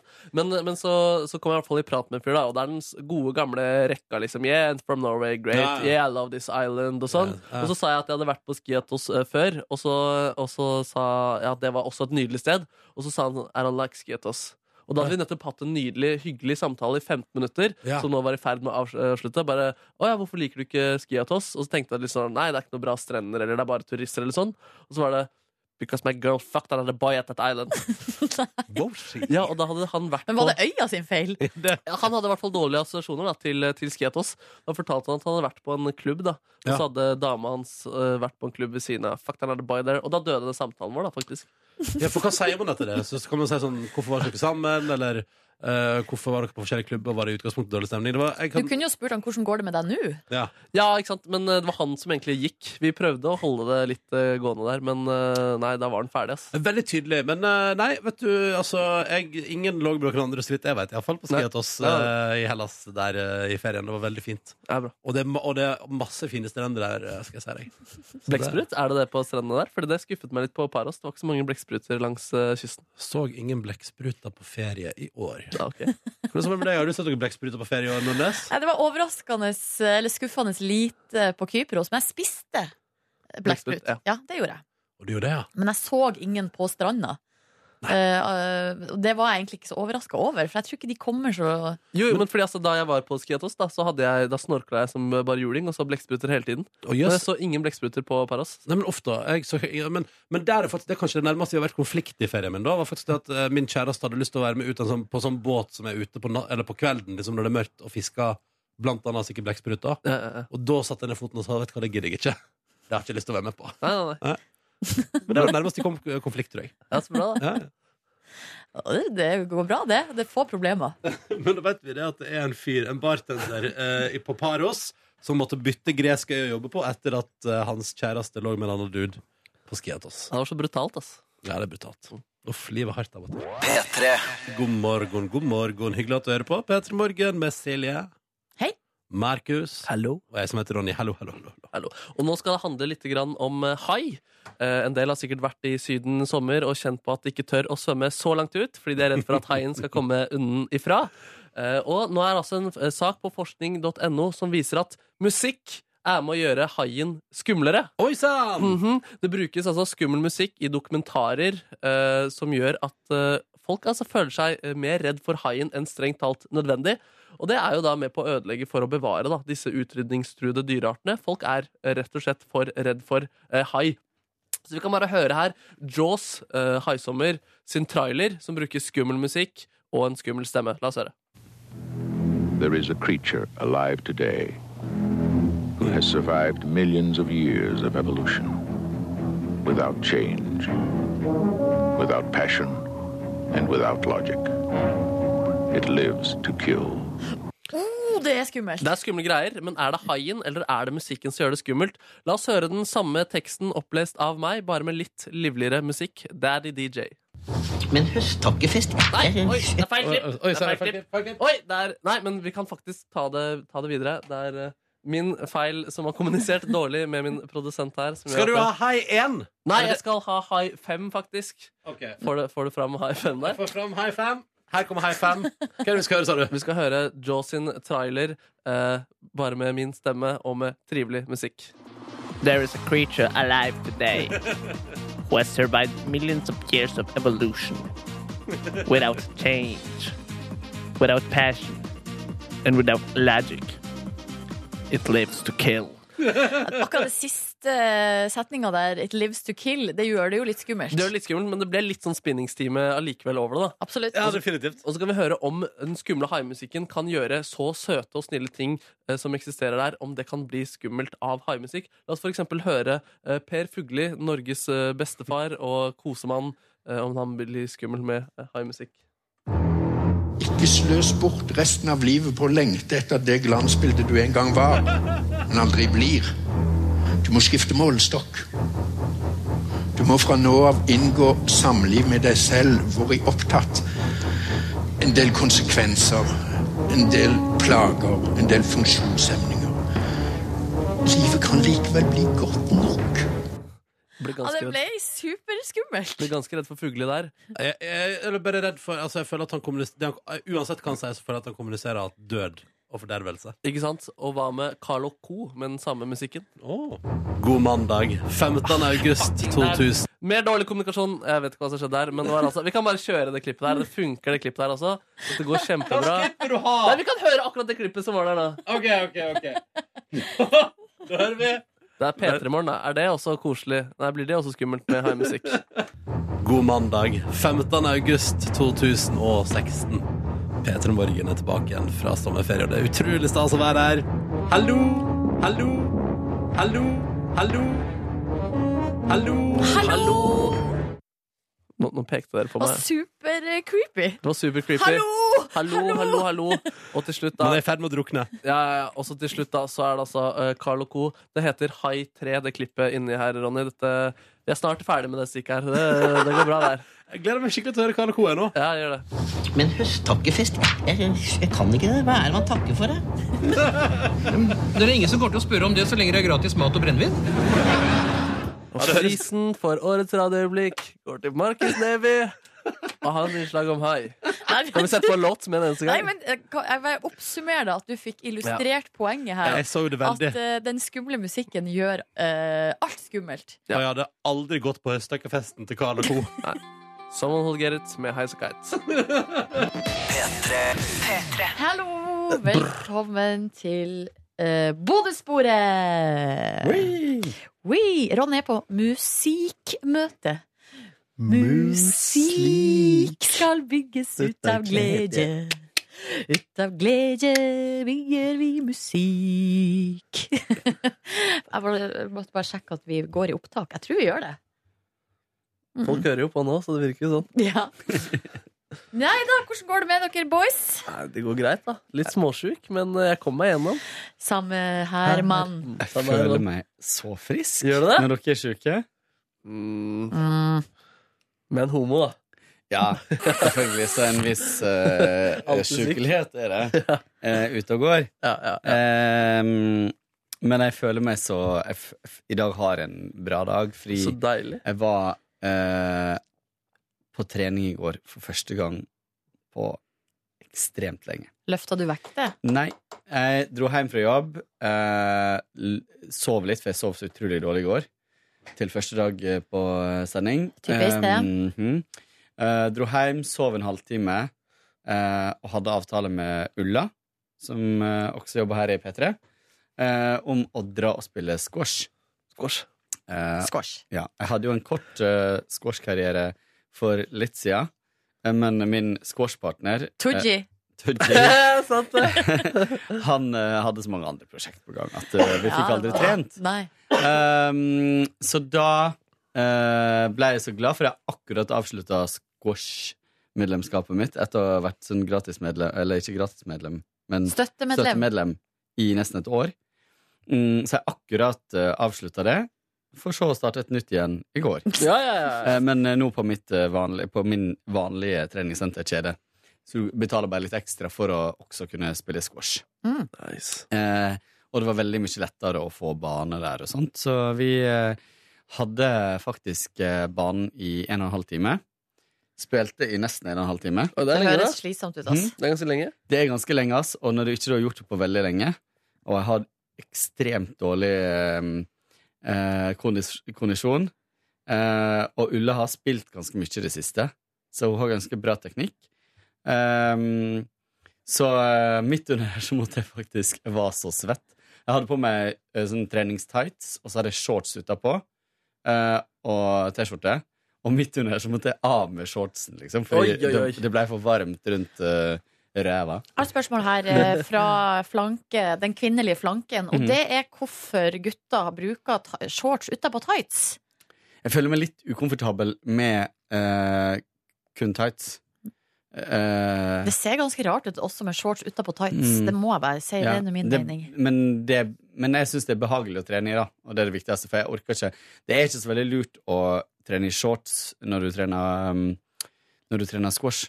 Er det ikke Fordi, nei, fordi at uh, blant annet for akilles og sånt, så er det veldig Du kan ha liksom voldsomme sokker da, nederst, det hjelper. Men du holder deg mye mer varm i beina, pluss at uh, du um, Det er mye større fare for skade av akilles. Uh, broren min sleit akilles-sen um, under squash-spilling. Men er det, er det, er det lettere å, å sliten hvis du er kald, eller er det det at du blir kald? Det er, det er jo den Det er jo mest, det er jo den mest utsatte scenen på kroppen, fordi at den ligger helt Det er bare tynt hudlag utaf- utafor. Hvor er det den ligger? Utafor den med kulen? Over, over hælen og bak, midt bakpå. Å ja, det er den? Ja. Og, den, uh. og hvis den slitna, så Og det gjorde den med broren min. Da var han liksom Han måtte gå med sånn slalåmstøvler i lang, lang tid. Ja, men Det gjør jo min kompis Jonas. Mm. Har jo gått med sånn slalåmstøvel i hele sommer. Og han har til og med Han har vært på masse festivaler sånn, med den der eh, støvelen. Mm. Slitsomme greier, ass. Peacocking. Hm? Peacocking, som er sånn uh, sjekkeaktig the game-greie. Hva det betyr det? At uh, du skal ha på deg et rart eh, antrekk, og så blir du lagt eh, merke til. Altså du går på krykke og Ja, det er mer sånn- ha et sånn rart type antrekk. Ja. Ja. Men krykke kan jo kanskje også være en icebreaker. ja, kanskje det. Kanskje det. Ja.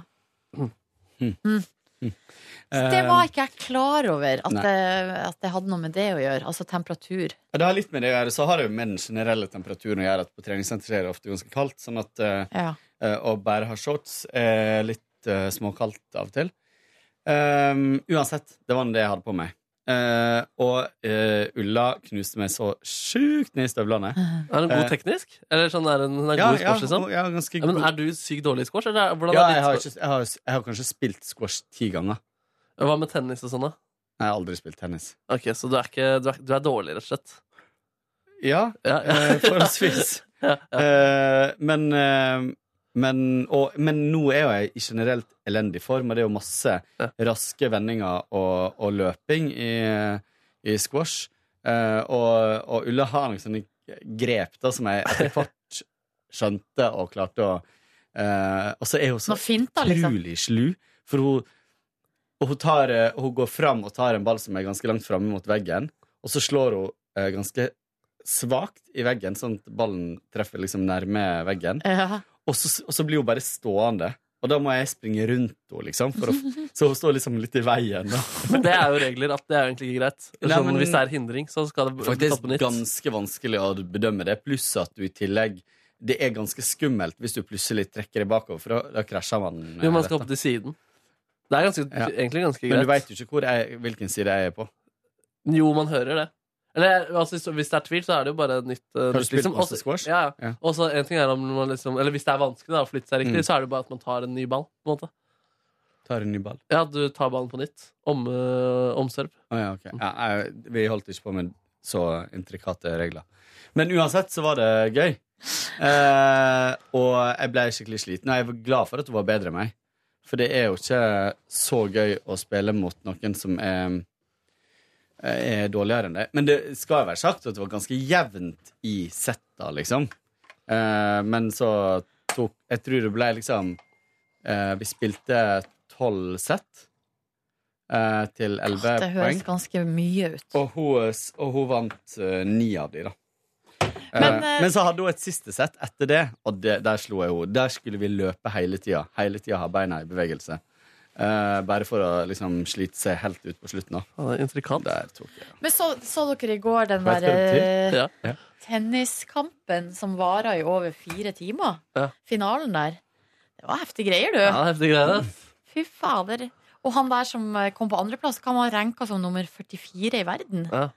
Ikke noe favoritt i det hele tatt. Men han var svær, da. Han var jo en kjempe. Så du det, eller, Markus? Nei, jeg så bare høydepunkter. Jeg føler at vi så på VM samt, nei, Ja, ja, OL samtidig. Så vi, Men så du hele matchen? Du så ikke hele matchen? Nei. Nei, nei, nei, nei, nei, nei. du For helt ærlig så så jeg faktisk bare oppsummeringa på Dagsrevyen. Er Dagsrevyen. altså- 1900 Dagsrevyen? Mm. Ja, jeg så den, jeg også. Det er uh, min avdøde bikkje Tussi, altså Dagsen Tussi sin revy. Ja, ja, ja, ja. altså, det, det, Ja. det er den internasjonale Tell a Joke Day i Mm. dag. Og da er det, ja? Ja, eller Nei. Jo, Det var grei- juli. Nei, ja, men det var Nei. Juni er International Joke Day. Oh. 1. juli. Mhm. Så fant jeg faktisk en link der det sto at i dag er uh, International Tell a Joke Day. Men det var ingen referanser der. Eller sånn, jeg tror det er bare noen som har funnet på. Nei, så dro jeg hjem igjen, og da ble jeg så Jeg fikk en tekstmelding fra kjæresten min om at han hadde Æ, jeg har ikke vent meg til at det er kjæresten din. Nei? Er det, er, er, Er det gutt? Er det gutt? Jeg har ikke vent meg til at det er gutt! Faen, går det Fader, går det Fader, an? Nordnes. Åh. ja, nei, jeg har tatt noe. Hva sa du? Ja, det Jeg er tatt opptatt, ja. noe. ja. Mhm. Ehm, nå fikk jeg melding om at han hadde vært og gjort uh, For vi hadde snakket om det dagen før. I morgen må vi ta sånn ordentlig dra på butikken og kjøpe inn Vi mangler liksom alt i kjøleskapet. Så hadde han vært og gjort det, og sto og lagde middag. Til, og jeg var dritsliten og kjempesulten. Og det var så godt, for jeg er så vant til å måtte gjøre alt det sjøl. Så det var nydelig. Hva fikk du servert? Jeg fikk servert laks. Mm. Uh, bakt laks i ovnen med pasta og noe sånn fløtesaus. Og masse spinatsalat. Og det var dødsgodt. Og eh, nå hadde alt vært godt i går, da. Men eh, det var veldig godt. Bæsj? Og så på veien Vet du hva det er? Det er ikke greit, Silje. Men det er jo godt hver dag. Det er så Mark Jeg, jeg har ikke gjort det her! Jeg er uskyldig. Jeg så, jeg så at Markus satt der med sånn dumt klipp. Jo, men det var pga. laks i ovnen som jeg ikke orka å ta opp. For jeg tenkte den kunne la seile forbi. Laks i ovnen? Ja, ikke det en grei metafor? Og så med masse krem og fullt kjør. Altså, jeg sparte meg for den, men eh, det var der jeg skulle forklare smilet mitt som fikk fram bæsjehumoren til Nordnes her. Banning og bæsj, ass. Er Fader, Nordnes. Her må det faen Jeg beklager, Kåre. Nei, det går veldig fint, men jeg er litt overraska. Ja. Men uh, herifra så kommer det Det kommer nok tilbake. Ok. Men du så på film i går. Hvilken Jo. film så du? Mm, vi, eh, jeg har drevet og mast flere dager om at kanskje vi tar så den uh, The Lobster, som har vært anmeldt, fått veldig bra anmeldelser overalt. Ja. P3 fikk den vel fire, tror jeg, Filmpolitiet. Eh, men ellers har den nesten bare fått femmere over hele eh, rekka, også noen seksere. Eh, blant annet i VG, tror jeg hun fikk seks. Um, og den um, går på kino nå, men så har jeg amerikansk iTunes-konto, og der ligger den ute. Eh, så da tenkte jeg at vi skulle se eh, den i går. Det er med Colin Farrell og sånt. Og handlinga er, når du bare leser hva den handler om, handler om uh, um, nær framtid. Em, det, det har blitt ulovlig å være enslig. Singel. Oi! For Twist! ja.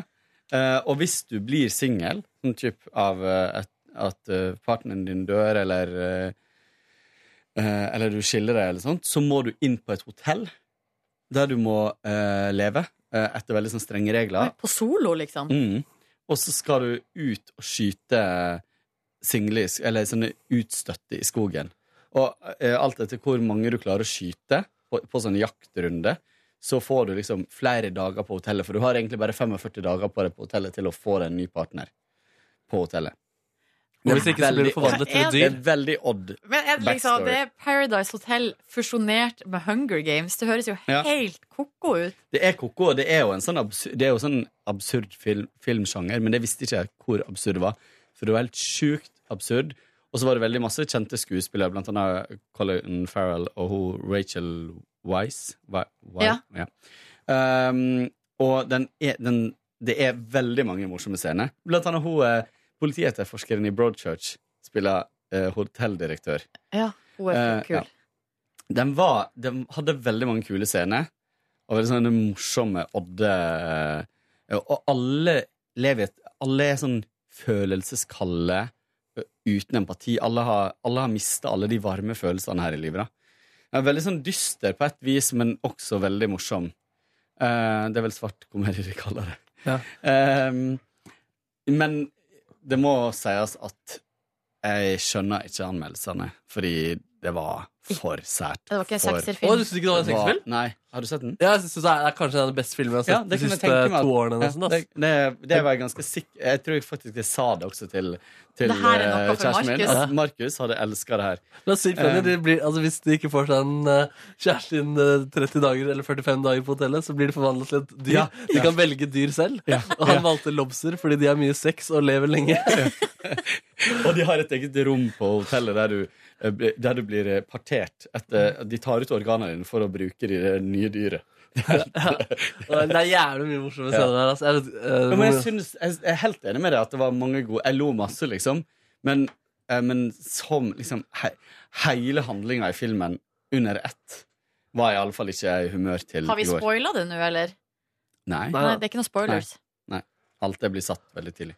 Jeg, jeg synes nesten, Fordi jeg hadde blitt anbefalt den så i stor grad, og sa Mm. at den var absurd sånn, jeg syns nesten at Jeg synes satiren var så tydelig da at jeg nesten ikke syns den var så absurd heller. nesten Nei, men Satiren var jo kjempetydelig. Det, Ja. det er jo greit nok. Hva går satiren på, da? At samfunnet mange- vårt blir kaldt? Ja, Eller? men i forhold til eh, eh, Ja, Hvordan vi lever, da. Altså Bare latterliggjøring av eh, regler og normer i, i verden. Vi, og, og den gjorde et stort, veldig veldig stort poeng ut av uh, at vi alle leter etter noen som har de samme egenskapene som oss sjøl. Mm.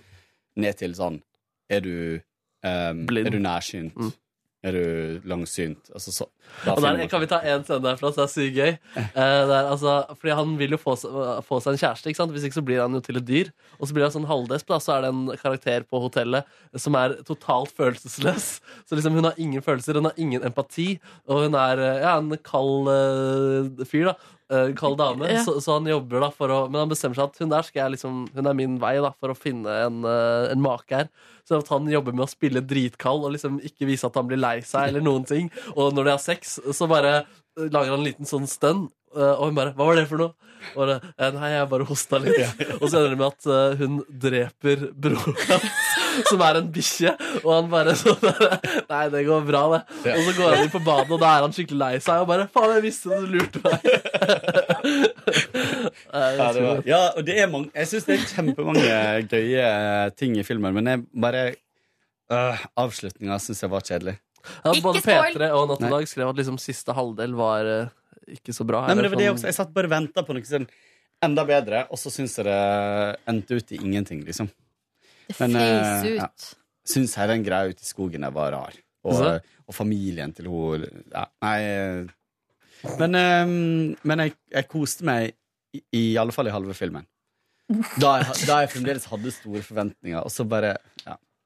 Og så begynte jo kjæresten min å bare bla på mobilen og sånn Nei, nei, nei. Jeg satt bare sånn Nei. Og han likte ikke. Så eh, ja. Det var din kveld. Det var min kveld. Hva med Markemannen, da? Nei, jeg hadde, tok meg en sånn eh, sykeaktig dag, eh, som er min behandling. Det er at da skal jeg fråtse, og da skal jeg ligge i sengen med alt jeg skal fråtse i. Kjøpte meg smågodt. Vanligvis så pleier det å være nudler jeg unner meg selv da, men i går hadde jeg mer lyst på en uh, Grandiosa. Eh, lagde en kit med halspastiller og uh, snørrelaterte ting. Nesespray og tørkepapir til min ass. Og lå egentlig der og sov fra tre til seks. Og så lå jeg der, og så begynte jeg faktisk å se på Dogtooth, som er den forrige Mm. filmen til han som lagde The Lobster. Oh, ja. Eh, Men så kjente jeg at jeg var for trøtt, og at jeg kom til å sovne nå, så da så jeg heller litt på eh, Premier League, og sovna under eh, Premier League-kampen. Eh, og sov altså fra halv ti til i dag tidlig, og det var godt. Eh, ja, det var egentlig store deler av eh, gårsdagen. Fiksa noen papirrelaterte greier som må gjøres. Uh, skrev til noen på Facebook, fikk svar. Oi. Svarte igjen. Så du chatta på Facebook? På Facebook. Så Dagsnytt 18 så jeg på, og så så jeg også på Dagsrevyen. Jeg, jeg så Dagsrevyen i går. Jeg vet ikke, Fulgte du med, liksom? Jeg var litt til og fra.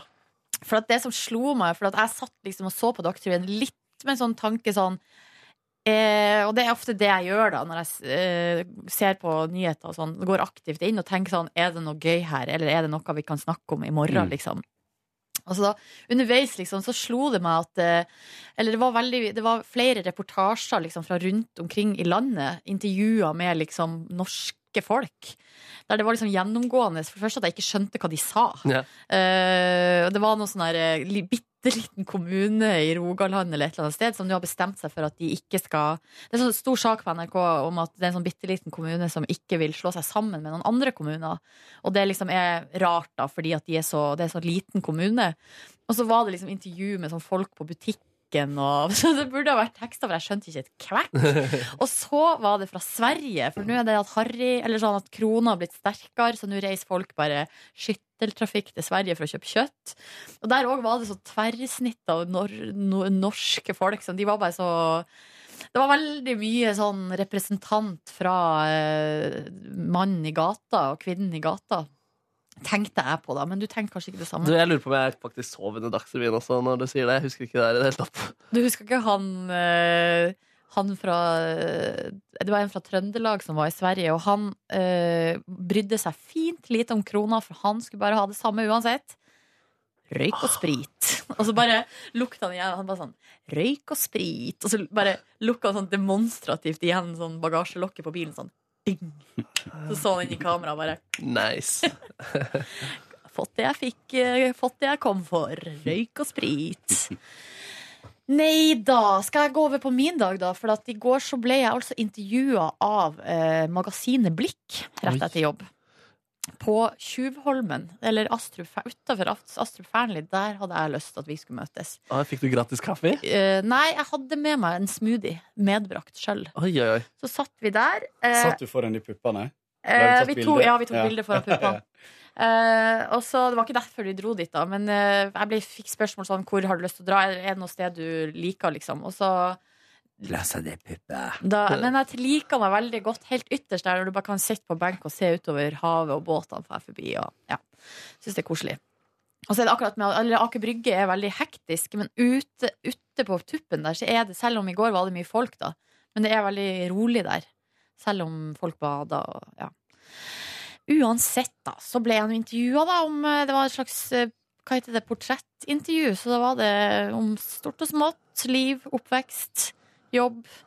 Orlando da dukka opp igjen, ja. den gode gamle.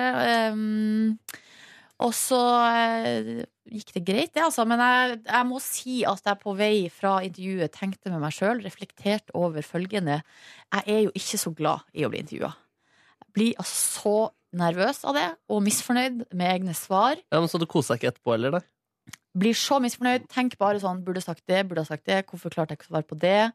Eh, jeg er helt uinteressant. Eh, det her er helt uinteressant. Jeg må slutte å si ja til å bli intervjua. Oh. For det er ikke noe interessant her bak det her eh, eh, fjeset. Oppe i det øverste av det øverste lesbesjiktet. Hallo, Kåre. Ikke Ikke tull. Det her mener jeg helt seriøst. Mm. Jeg, had, jeg var på et dårlig sted i går, liksom. Det Men- var ikke bra. Har du kommet deg over det, eller eh, er det, er det Altså, det, det, vil skje neste gang også? Jeg, har, eh, jeg, nei, altså, jeg tror faktisk at eh, Eller jeg må være litt sånn bevisst på det, faktisk. Da, fordi jeg vet hvordan det der eh, eh, på en måte påvirka meg. Det sa jeg, Vi snakka om det i sommer, men jeg var jo med på podkasten til Morten Hegseth i sommer. da, Sånn her sommerpra, eller bare sånn intervju. Og da holdt jeg vel på kanskje en og en halv måned med å tenke på hva jeg heller burde sagt. Uff, det er slitsomt. Ja, det er så jævlig slitsomt. Hvorfor, jeg skjønner ikke Jeg må få hjelp. Profesjonell hjelp. Går ikke an å være sånn. Går ikke an å leve av å sitte og prate og si ting, og så ikke klare å bli fornøyd med det man har sagt. Hvis dere skjønner? Ja, og jeg skjønner ikke hvorfor, egentlig. Eller sånn eh, Eller hva tenk, tenker du at du skal svare gandiske svar som blir husket i historien, Jeg må liksom? svare mye bedre. Ja, men du svarer jo du, du svarer fine ting, Ja, liksom. det er, ak- det er nok det, er, det, det der du problemet vil være fuckings Gandhi, Det det. vil være fuckings Per Fugelli, liksom. Ikke bare at alt jeg sier skal bli plassert på sånne eh, plakater med bilder av meg, altså, som kan, folk kan poste Ja. på Instagram og sånn. Og kan du ikke i neste intervju sitat. at du har med tre uh, Per Fugelli-setninger og bare si de, stjele de, rett og slett? Du får jo alltid muligheten til å eh, komme inn på det temaet der. Ja. Nei, det er nok kanskje litt for høye forventninger. Men jeg blir eh, ja, men så eh, Man kan kanskje være litt mer bevisst på det, da. Senk eh, forventningene litt. Jeg har tenkt litt på, jeg hørte Oral B sin podkast hvor han hadde gjest av Christer Falk. Som da var manager, eller han er det sikkert fortsatt også, for en del artister. Og det, hans liksom, tips alltid til artistene var når du er på intervjuer, bare lyv. Lyv masse, finne masse dritt, få overskrifter, fortell noe lættis, liksom. Ja, det var litt sånn, fader, det hadde vært gøy å bare lyve masse etter en intervju en gang. Ja.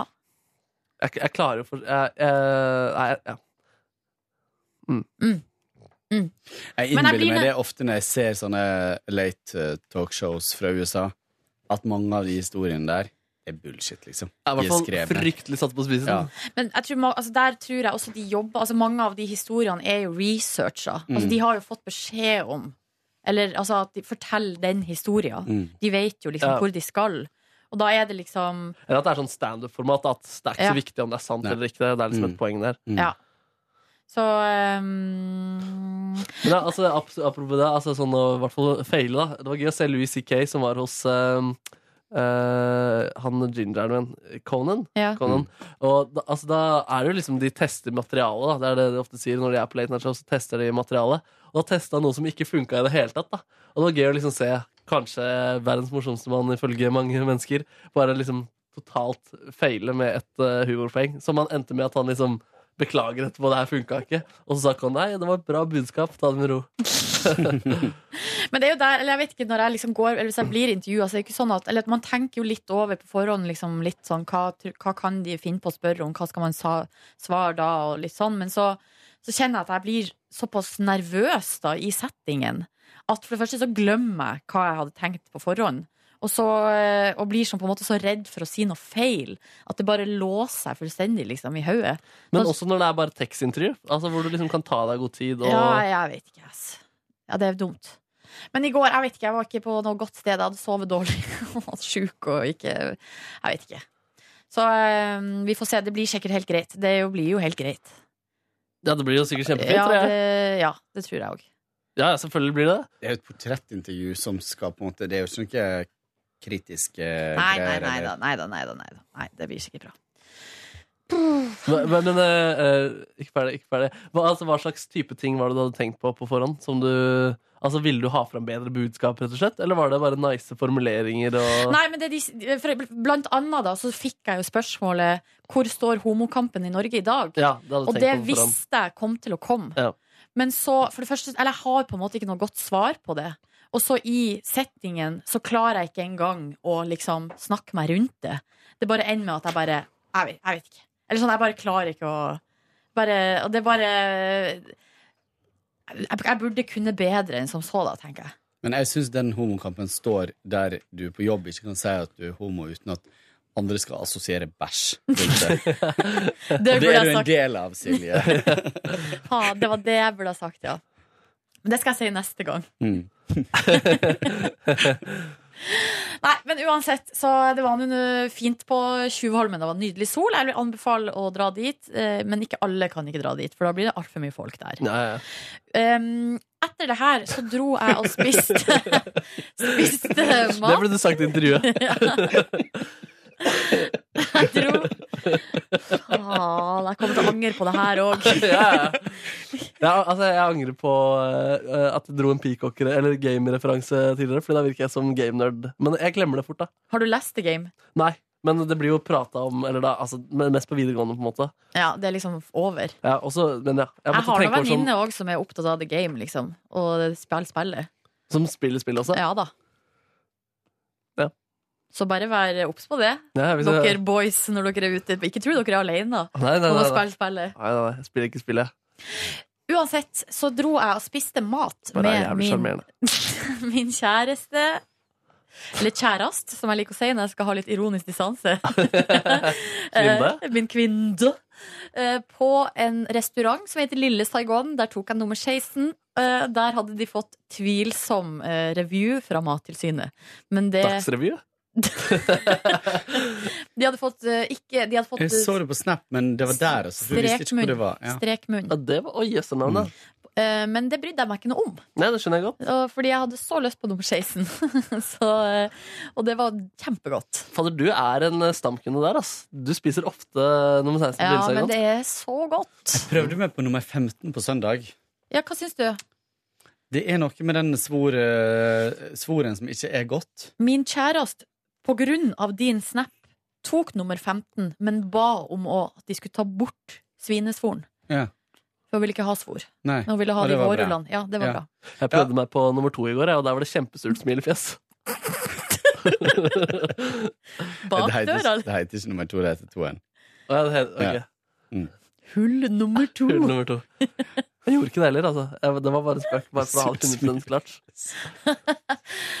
Eh, og da, humøret var på vei opp allerede her, da. Fordi eh, det var godt med mat. Det var noe blodsukker der også kanskje involvert i humørets eh, dårlige tilstand. Eh, og så eh, gikk vi Så var greia, da, nå skal dere høre, eh, at vi skulle da til den leiligheta vi har kjøpt, som vi ikke har overtatt ennå.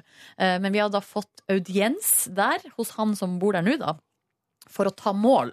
Vi da skulle måle alle vegger og eh, alt, liksom. Eh, og da har har jo jeg en kompis som bor i samme borettslag, som jeg fant ut etter at vi hadde kjøpt. Så jeg sendte han en melding. Hei, hallo. Er dere hjemme? Kan vi komme innom en tur? Eh, ja, vi er hjemme. Så da var vi innom hos dem, da, eh, og hilsa på. Eh, kjæresten min fikk møte dem, hun hadde ikke møtt dem før. Eh, og så kom det noen andre naboer innom og hilsa, og det var liksom sånn ja, Da fikk vi veldig sånn god følelse, liksom, at her er det god stemning. Mye hyggelige folk. Og ja. God S, eller? Mm? God S? Hva betyr god S? God stemning? Ja, god stemning, ja. Ja. ja. Eh, så det var fint. Og så gikk vi inn og målte leiligheta, og ble over Eller den var større enn vi hadde huska. Oi, oi, oi. En Grover. Den var en grower. Eh, så det var positivt der. Så har vi jo ganske sånn skrekkblanda fryd for den her oppussinga som kommer. Stay attuned. Fordi eh, det kommer. Bare bli blir klabb og babas med to jenter som skal drive på med det der. Det er bra vi skal sette det ut til noen andre. Noen Ja. mannfolk Noen liksom, som kan gjøre jobben. Bonden uh, Svein. Bonden Svein kan komme og gjøre det. Uh, vi skal ha befaring med håndverkere på fredag og lørdag. Så da er det bare å følge med på hvordan det her går. Ja, følg med. Etter det her så dro vi hjemover, dusja, så på Dagsrevyen, så litt på turen.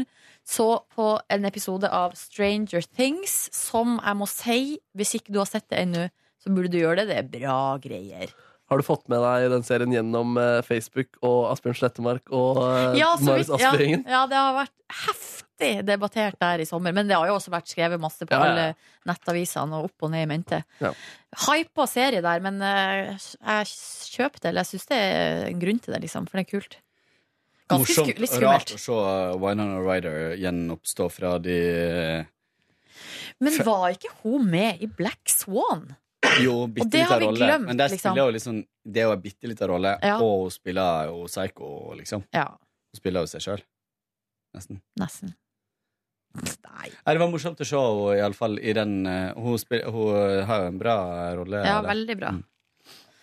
Og det var min dag i går. Eh, kom meg ganske relativt tidlig i seng og var fornøyd med det. Nice. Nydelig dag. Hun er forresten visstnok sammen med Johnny Depp. Hæ? Winona Ryder. Er de det nå? Ja. Hvem var det han ranta på tilbake igjen. Hvem var det han ranta på i dag, da? Det er noen sånn sak med Johnny Depp i dag også. Ja, Er det ikke det hun eksen da som mener Eller hun har jo Paradis. Nei, hun som han var sammen med nå sist, ah, ja. som hadde, var blåmerke, og han hadde slått Mm. henne og sånn, sier jo. Jeg lurer på om det er noen video som er eh, ute og går. Jeg. Å ja. Herregud, Mulig jeg har misforstått, men jeg tror de er sammen. Justin Bieber har sletta Instagram-kontoen sin. Bare si det. Det er ingen som er overraska over det. Er dere ikke litt overraska? Har han ikke gjort det før også? Nei, han har sletta kontoen sin. Ja, men, men han kommer jo tilbake og har like mange følgere. Ja, det der, ass. Tror jeg. Jeg tror ikke det. Tror du ikke det? Nei, jeg tror ikke det. Nei da. Vi eh, følger også den utviklinga tett her i P3 Morgen. Bare følg med. Peter Morgen, Justin Bieber og oppussing. Spesial. Spesial. Var det noe mer vi hadde lyst til å legge til her i gården? Det hadde du lyst til å legge til. Mm, halsen min hadde bedt om ordet. Jeg Men, ønsker deg god bedring. takk, takk, takk. God bedring. God bedring, Kåre. Jeg er frisk, jeg.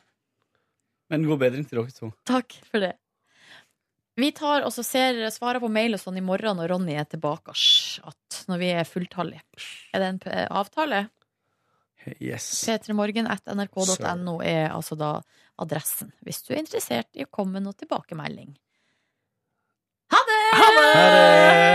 Hør flere podkaster på nrk.no podkast. P3.